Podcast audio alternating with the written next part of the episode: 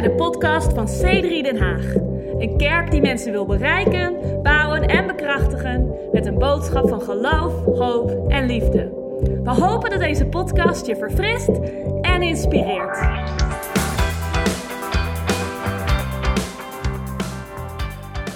Dus we hebben het over God vertrouwen in onzekere tijden. Wie is daar enthousiast over? Iemand? Ik ben er enthousiast over. Is mijn taak om enthousiast te zijn over de dingen waar ik over spreek. Ehm, en ik wil daar twee teksten over voorlezen. Uit Daniel hoofdstuk 2 en Daniel hoofdstuk 4. Dus ik begin met Daniel hoofdstuk 2 en dan doe ik een tekst, lees ik een tekst voor Daniel hoofdstuk 4. Daniel hoofdstuk 2, vers 19 tot en met 20. Ehm, dit is, ehm, Daniel leeft in een, in een maatschappij die veel tegenstand biedt. Hij leeft in ballingschap. Uh, hij bevindt zich in het hof van de koning. En daar zie je dat op een gegeven moment de koning een opdracht geeft. Uh, de koning had een droom en hij geeft een opdracht aan de uh, wijze om niet alleen maar de interpretatie van de droom te geven, maar omdat hij niet, hen niet vertrouwt, geeft hij hen een opdracht om de, de droom ook te vertellen.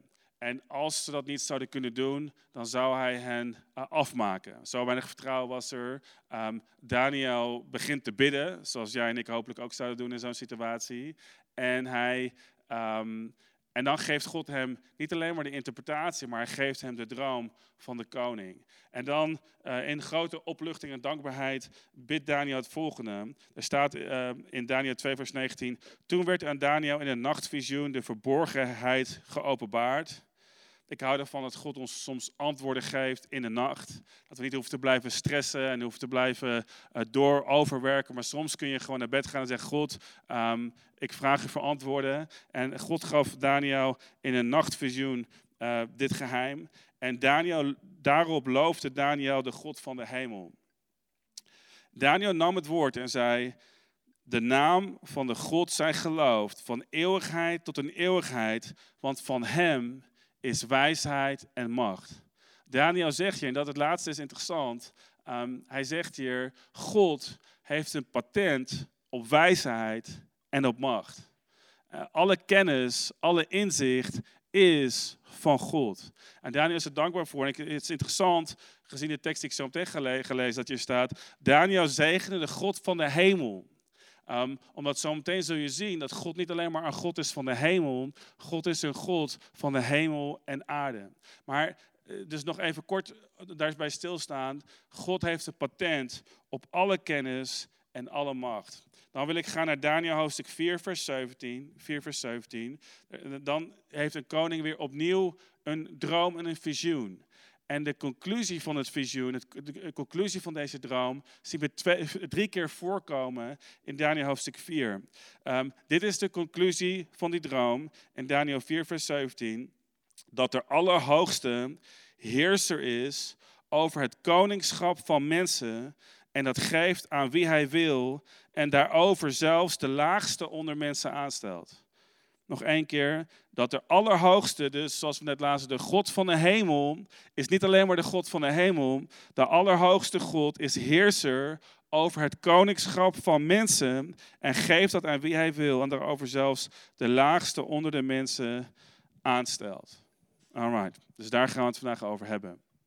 God heeft een patent op kennis en macht.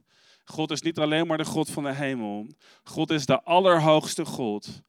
En hij regeert niet alleen maar over zijn koninkrijk, hij regeert over het koninkrijk van mensen. Daarom noemen wij hem de koning van koningen, de heer van heren. Oké, ben je er klaar voor? Ik ben er klaar voor. So, um, ik wil beginnen om je een vraag te stellen. Um, of eigenlijk, laat me, laat, me, laat me anders beginnen. Laat me, um, laat me uitleggen waar, dit, waar deze tekst, waarom ik deze tekst wil uh, uitlichten vandaag. Ik denk dat um, het een understatement is om te zeggen dat dit tijden zijn die veel onzekerheden um, in onze maatschappij en in mensen naar boven brengen. Ik denk, uh, ik denk ook dat het tijden zijn waar onzekerheden in de kerk, of misschien wel in ons geloof, uh, aan de oppervlakte komen. En terwijl ik aan het voorbereiden was, ehm, en eigenlijk een aantal maanden geleden aan het nadenken was over deze situatie, ehm, begon ik terug te blikken op momenten in mijn leven dat ik zelf um, mij bevond in een onzekere situatie. En ik begon na te denken over wat God tot mij sprak in die tijden. En, um, en ik weet nog dat aan het begin van mijn carrière, als je het een carrière mag noemen, het begin van mijn uh, loopbaan, um, dat ik net klaar was met de studie. Ik was net getrouwd met Nicola in het derde jaar van mijn, uh, van mijn studie, uh, communicatie. En uh, ik stond net op het punt om een stage te gaan doen. En ik weet nog dat het vinden van een stageplek en het afstuderen, dat het een behoorlijke druk op mij legde. Um, waarom? Omdat um, iedere keer dat je iets begint, gaat dat gepaard met een, met een mix van emoties. Aan de ene kant emoties als dromen, ver, verwachtingen, uh, verlangens die je hebt. Maar aan de andere kant um, emoties zoals stress en misschien wel een bepaalde vorm van angst aan de oppervlakte of misschien niet aan de oppervlakte. En ik, ik weet niet of je het herkent, maar iedere keer wanneer je op een punt staat om te beginnen met iets groots, iets nieuws in je leven, of het een relatie is of um, of het dat het werk gerelateerd is, of misschien studie gerelateerd, um, misschien uh, een familieuitbreiding, uh, of misschien een uitbreiding van je huis of een verhuizing. Maar iedere keer dat je begint met iets nieuws, um, zul je merken dat deze mix van emoties plaatsvindt. Een mix van positieve emoties en een mix van negatieve emoties.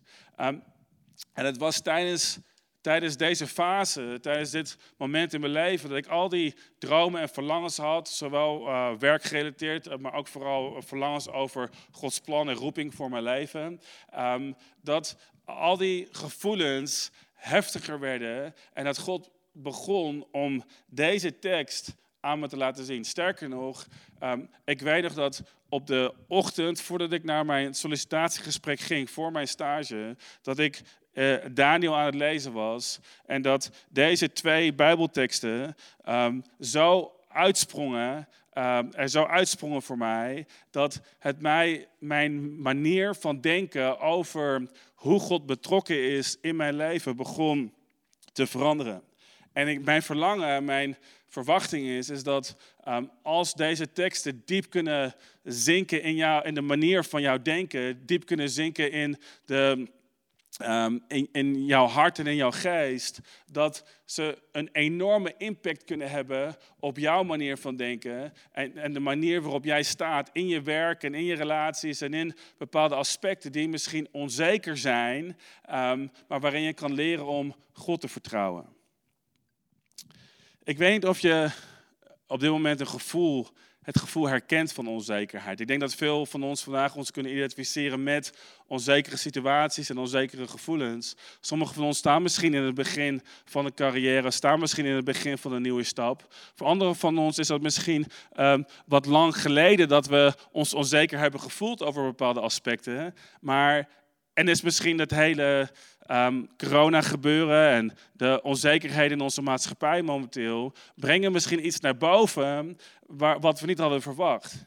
Misschien merken we dat ons fundament, waar we, uh, misschien merken we dat ons fundament ergens is, um, is veranderd over de loop van tijd. Want dit is wat ik soms uh, observeer, uh, wat ik soms ook herkenbaar vind, is wanneer we beginnen zonder zekerheid Wanneer we beginnen met een hoge mate van onzekerheid, maar naarmate van tijd meer zekerheid opbouwen en die zekerheid opeens wegvalt, kunnen we soms ontdekken dat waar we begonnen met een fundament van vertrouwen op God, waar, we, waar ons fundament is afgegleden naar vertrouwen in onze zekerheden. En dit is wat ik wil zeggen vandaag, dat onze zekerheden um, geen betrouwbaar fundament zijn. Onze zekerheden zijn geen fundament waar we um, op kunnen bouwen.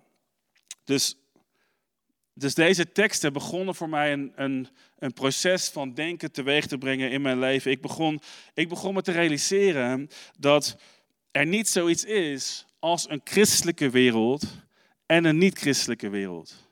Ik begon me te realiseren dat heel veel, heel vaak denken gelovige mensen um, over het koninkrijk van God als iets wat wat abstract is en afwezig is in ons leven. Gods koninkrijk is ver weg en Gods koninkrijk is onzichtbaar. En het koninkrijk van mensen is hier aanwezig. Maar wat we hier zien is dat de Allerhoogste, de God van de hemel, um, regeert over het koninkrijk van mensen.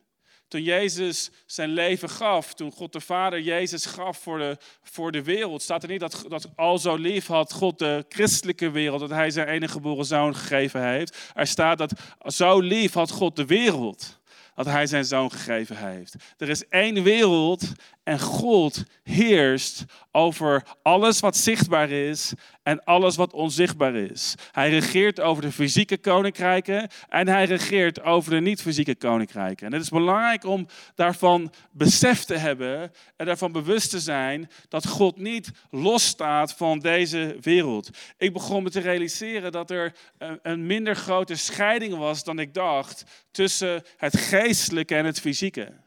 Heel erg vaak, en zo uh, groeide ik op, denken we dat er een enorme scheiding is. Een soort van um, onzichtbare Star Trek um, portal waar je kan gaan van de fysieke wereld naar de geestelijke wereld. Maar het fysieke en geestelijke is onlosmakelijk met elkaar verbonden. In het Joodse denken is er geen grote scheiding tussen het geestelijke en het fysieke. In het Joodse denken, het Oud-testamentische denken, zijn die twee uh, nauw met elkaar verbonden. Dit is ook waarom God um, uh, in het Nieuwe Testament nadruk legt over het feit dat ons lichaam een tempel is van de Heilige Geest. Wat hij zegt is, jouw persoon, jouw wezen is het samenkomen van het fysieke en het geestelijke. Ik begon me te realiseren dat, ik ga een beetje van het script af, maar dat toen Jezus uit de dood opstond, gaan eh, helemaal naar Pasen op dit moment, maar iedere zondag is het Pasen. Toen Jezus uit de dood opstond, dat zijn lichaam niet gevonden werd en dat de doeken waar hij ingewikkeld, eh, ingewikkeld was, dat die eh, netjes opgevouwen achtergelaten werden door Jezus. Wat ons aangeeft dat God een God is van enige vorm van organisatie. Hallo iemand. Um, maar tegelijkertijd um, dat zijn fysieke lichaam, toen, toen zijn fysieke lichaam verheerlijkt werd gebruikte God de materie van zijn lichaam om zijn verheerlijkte lichaam te bouwen. Er is een, een heel. Er, er, zijn allerlei. Um, er is een, een groot theologisch fundament om te zien dat het geestelijke en het fysieke onlosmakelijk met elkaar verbonden is. Is iemand daar enthousiast over? En dat betekent dit. Dit is wat het betekent. Het betekent dat God zeggenschap heeft over het koninkrijk van mensen. Zie, God heeft zeggenschap over de fysieke aspecten van ons leven. Sterker nog, laten we een stap verder gaan. Dit is waarom Jezus Christus als zoon van God fysiek de wereld in moest komen om zijn lichaam te geven als een losgeld voor de mensheid, voor de wereld. Omdat, omdat God niet een God was die losstaat van het fysieke. God kwam in het fysieke en bracht zijn geestelijke antwoorden door fysiek zijn zoon te sturen, door een fysieke dood te sterven en door fysiek uit de dood op te staan. Dit is het evangelie. Het evangelie is dat God kwam en, en verlaagde zichzelf naar ons niveau. De geestelijke God werd fysiek. De geestelijke God werd zichtbaar. De onzichtbare God werd zichtbaar en kwam onder ons en gaf antwoorden onder ons om ons vervolgens te brengen naar zijn geestelijke positie en zijn geestelijke dimensie. En God heeft zeggenschap in ons fysieke leven. Zie, geloof is niet alleen maar, en ik weet dat je het misschien weet, maar ik wil je helpen herinneren, geloof is niet alleen maar hier voor na de dood. Geloof is hier voor, om de autoriteit te gebruiken die God ons heeft gegeven hier op aarde. En dus het is belangrijk om misschien opnieuw te leren om God te vertrouwen in onzekere tijden. Als je te veel zekerheid hebt gehad in je leven, is het misschien tijd om je zekerheden op waarde te schatten. Om te zeggen, dit zijn mijn, mijn omstandigheden, maar ik zal mijn leven, mijn overtuigingen, mijn basis van geloof nooit of niet bouwen op mijn omstandigheden. Ik zou het bouwen op vertrouwen in mijn God, want de Allerhoogste, de God van de hemel, is heerser over het koninkrijk van mensen. Weet je wat fascinerend was? Vanochtend toen ik aan het voorbereiden was, las ik uh, in, mijn, gewoon in mijn gewone bijbelritme, in mijn, in mijn bijbelleesprogramma, las ik het volgende. In 1 Timotheus 6 vers 17. Nou, dit is een tekst geschreven naar pastor Timotheus, of Timotheus, de leider van uh, de lokale kerk in Efeze. En dit is een tekst die we vaak niet op onszelf toepassen, omdat dit geschreven wordt over de rijken. En daar staat dit, er staat, Paulus zegt tegen Timotheus, hij zegt, beveel, vrij sterk woord Paulus, maar anyway, beveel de rijken in deze tegenwoordige wereld. Luister naar, zijn, luister naar de manier waarop hij dit zegt. De rijken in deze tegenwoordige wereld, dat zij niet hoogmoedig zijn en hun hoop niet gevestigd houden op de onzekerheid van rijkdom. Zie, Paulus maakt ons ervan bewust dat, eh, dat, dat we rijk zijn in de tegenwoordige wereld, maar dat onze rijkdom tijdelijk is. En laat me dit zeggen, ehm, als je op bent gegroeid in, in onze maatschappij, ehm, dan ben je relatief gezien zeker rijk. En dan zijn er zeker zekerheden um, waar je vertrouwen op kan leggen. En Paulus zegt tegen ons beveel. Dus kerk, dit is jullie bevel op dit moment vanuit ons als kerk om, om niet hoogmoedig te zijn, maar je, en je hoop niet gevestigd te houden op, deze, op de onzekerheid van rijkdom. Zie, rijkdom is onzekerheid. Omdat het niet van lange termijn is. Omdat het niet duurzaam is. Right? Maar, maar, dus onze hoop niet gevestigd te houden op de onzekerheid van rijkdom, maar op de levende God. Dus we we, worden bevolen, dit is je bevel, om je hoop te vestigen op de levende God. Die ons alle dingen in rijke mate verschaft om ervan te genieten. Ook om goed te doen. Zie, dit is een ander aspect van de rijkdom die we hebben. Dat we ervan kunnen genieten, zegt de Bijbel. Hallo iemand. Dus God geeft je toestemming, God geeft je een bevel om te genieten van de goede dingen die Hij je geeft. is iemand daar dankbaar voor? En God geeft je het bevel om goed te doen, om rijk te zijn in goede werken. In andere woorden, om overvloedig te zijn, om veel goede werken te doen. En om vrijgevig te zijn en bereid om samen te delen. Zo verzamelen zij voor zichzelf een schat. Luister je naar. Een goed fundament voor de toekomst, opdat zij het eeuwige leven verkrijgen. Zie, Paulus zegt, zie, als we vertrouwen op onze rijkdom in onze tegenwoordige wereld, dan zijn we te veel bezig met ons tijdelijke leven. En Paulus zegt, beveel de rijken, beveel de westerse wereld, beveel de westerse studenten, beveel de Nederlandse of internationale studenten die er zijn, uh, of internationale jongvolwassenen, of mensen die een pensioen hebben, een bepaalde vorm van zekerheid en een dak boven hun hoofd en konden kiezen wat voor kleding ze vandaag aantrokken. Dat betekent dat je rijk bent. Mensen die sociale zekerheden hebben, dat betekent dat je rijk bent. Mensen die bescherming hebben in hun land en, en, en, en eh, humanitaire rechten kunnen genieten. Beveel hen om niet te vertrouwen in hun rijkdom van de tegenwoordige wereld, maar om een eeuwig leven te verkrijgen, om een goed fundament op te bouwen door hun vertrouwen te stellen. Niet in hun omstandigheden, niet in hun zogenaamde zekerheden, maar om een vertrouwen te stellen in de eeuwige God. En daarmee kunnen we een goed fundament bouwen. Hoe doen we dat concreet? Wat door te genieten van wat we hebben, door rijk te zijn in goede werken um, en zo een schat op te bouwen uh, voor de toekomst. Maar de, de kern, de achterliggende kern daarvan, is dat we geloven dat God de God is. De levende God is de hoogste God, de Heer van Heren, die heerst over het koninkrijk van mensen. Ik zou je zeggen dat deze teksten, dat God heerst over het koninkrijk van mensen. deze teksten wat zegt dat God de eigenaar is van wijsheid en kennis. Die gaven mij, um, die gaven mij kracht. Deze teksten waren, um, waren teksten die ik in mijn hart hield toen ik um, gefrustreerd was op werk. omdat mijn dagelijkse sleur te langzaam was en ik het gevoel had dat mijn dagelijkse omstandigheden op mijn werk nergens naartoe gingen.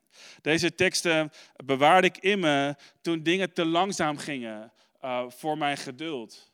En dit is soms het probleem, is dat God geeft ons geduld door ons geduld op de proef te stellen. Maar goed, dat is een ander onderwerp. Wie van jullie heeft daar ervaring mee, iemand? Um, deze tekst was een belofte voor mij toen ik mijn bedrijf begon, tien jaar geleden, um, in een hoge mate van onzekerheid. Ik, ik begon, ik heb een, een, bedrijf, dat is niet de kerk, um, uh, en ik begon dat in 2010, net na de eerste crisis. Sterker nog, toen ik mijn carrière, toen ik mijn eerste voltijd loopbaan uh, begon, was het in 2000. 7. In 2008 kochten we ons eerste huis, februari 2008. En ergens in maart 2008 sloeg de crisis toe. En het was bizar, omdat uh, in het eerste half jaar werden al onze lonen bevroren. Ik had het gevoel dat ik achterliep, um, uh, omdat ik laat was begonnen. Ik had een, een uh, ik zou niet zeggen hoeveel ik verdiende, maar het woord veel was daarop niet van toepassing. Um, en ik voelde me enorm vast.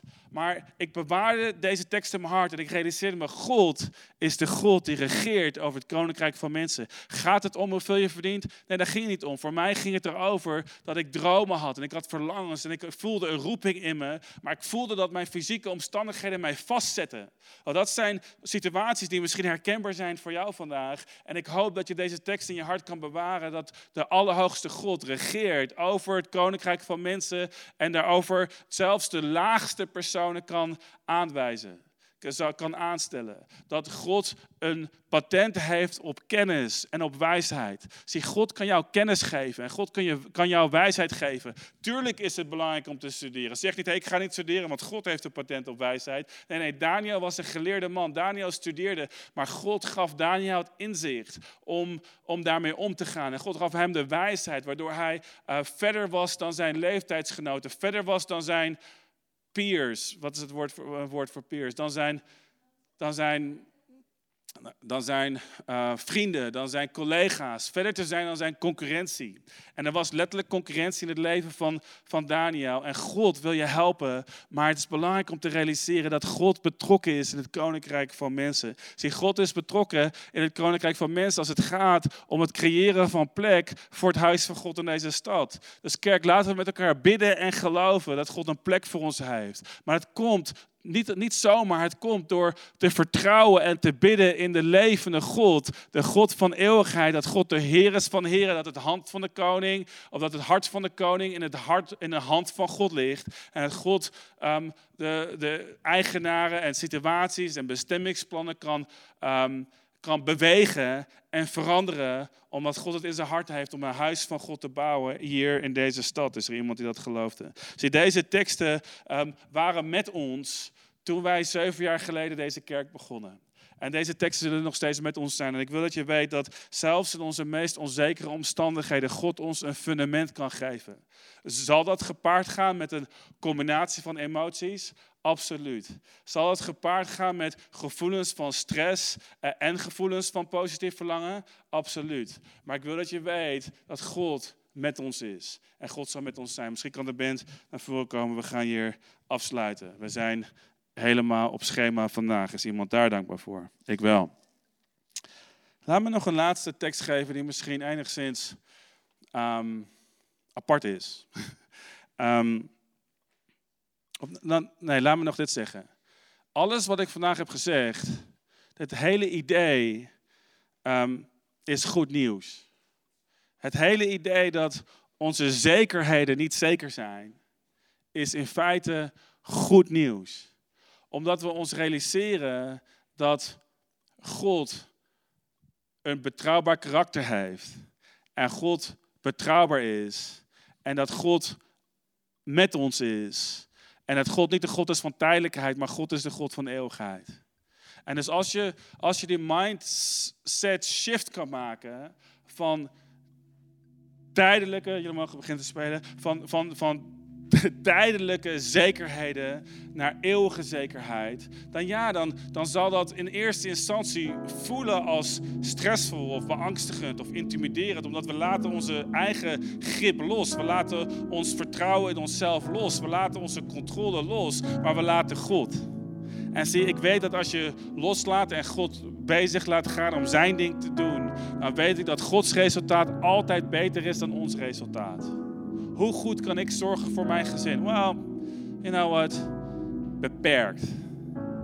Maar Gods zorg voor mijn huis, Gods zorg voor mijn familie, Gods zorg voor mijn gezin, Gods zorg voor mijn noden is onbeperkt. Hoe goed kan ik ehm, zorgen dat alles in onze kerk ehm, in goede banen geleid wordt? Wel, ik zou, om heel eerlijk te zijn, ik zou zeggen beperkt.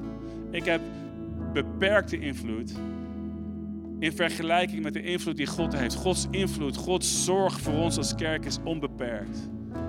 En dus het is goed nieuws om los te kunnen laten en te kunnen vertrouwen, om los te laten van onze zekerheden. Dit is een van de redenen waarom ik zo overtuigd ben van het geven van tiende en het geven van offers in het huis van God. Dit is geen offerpraatje, maar dat is waarom ik zo overtuigd ben. Omdat ik laat los van mijn controle en ik geef heerschappij aan God in mijn leven. En ik weet dat ieder moment dat ik God invloed geef in mijn leven, ieder moment dat ik ruimte maak voor God, is het moment waarin dingen um, beter zullen gaan.